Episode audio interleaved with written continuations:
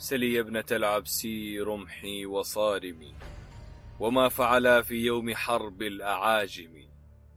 سقيتهما والخيل تعثر بالقنا دماء العدا ممزوجة بالعلاقم.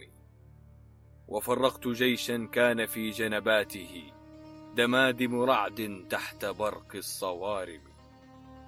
على مهرة منسوبة عربية تطير إذا اشتد الوغى بالقوائم وتصهل خوفا والرماح قواصد إليها وتنسل انسلال الأراقم.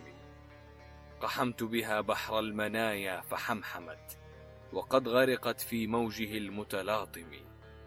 وكم فارس يا عبل غادرت ثاويا يعض على كفيه عضة نادم. تقلبه وحش الفلا وتنوشه. من الجو أسراب النسور القشاعم. أحب بني عبس ولو هدروا دمي.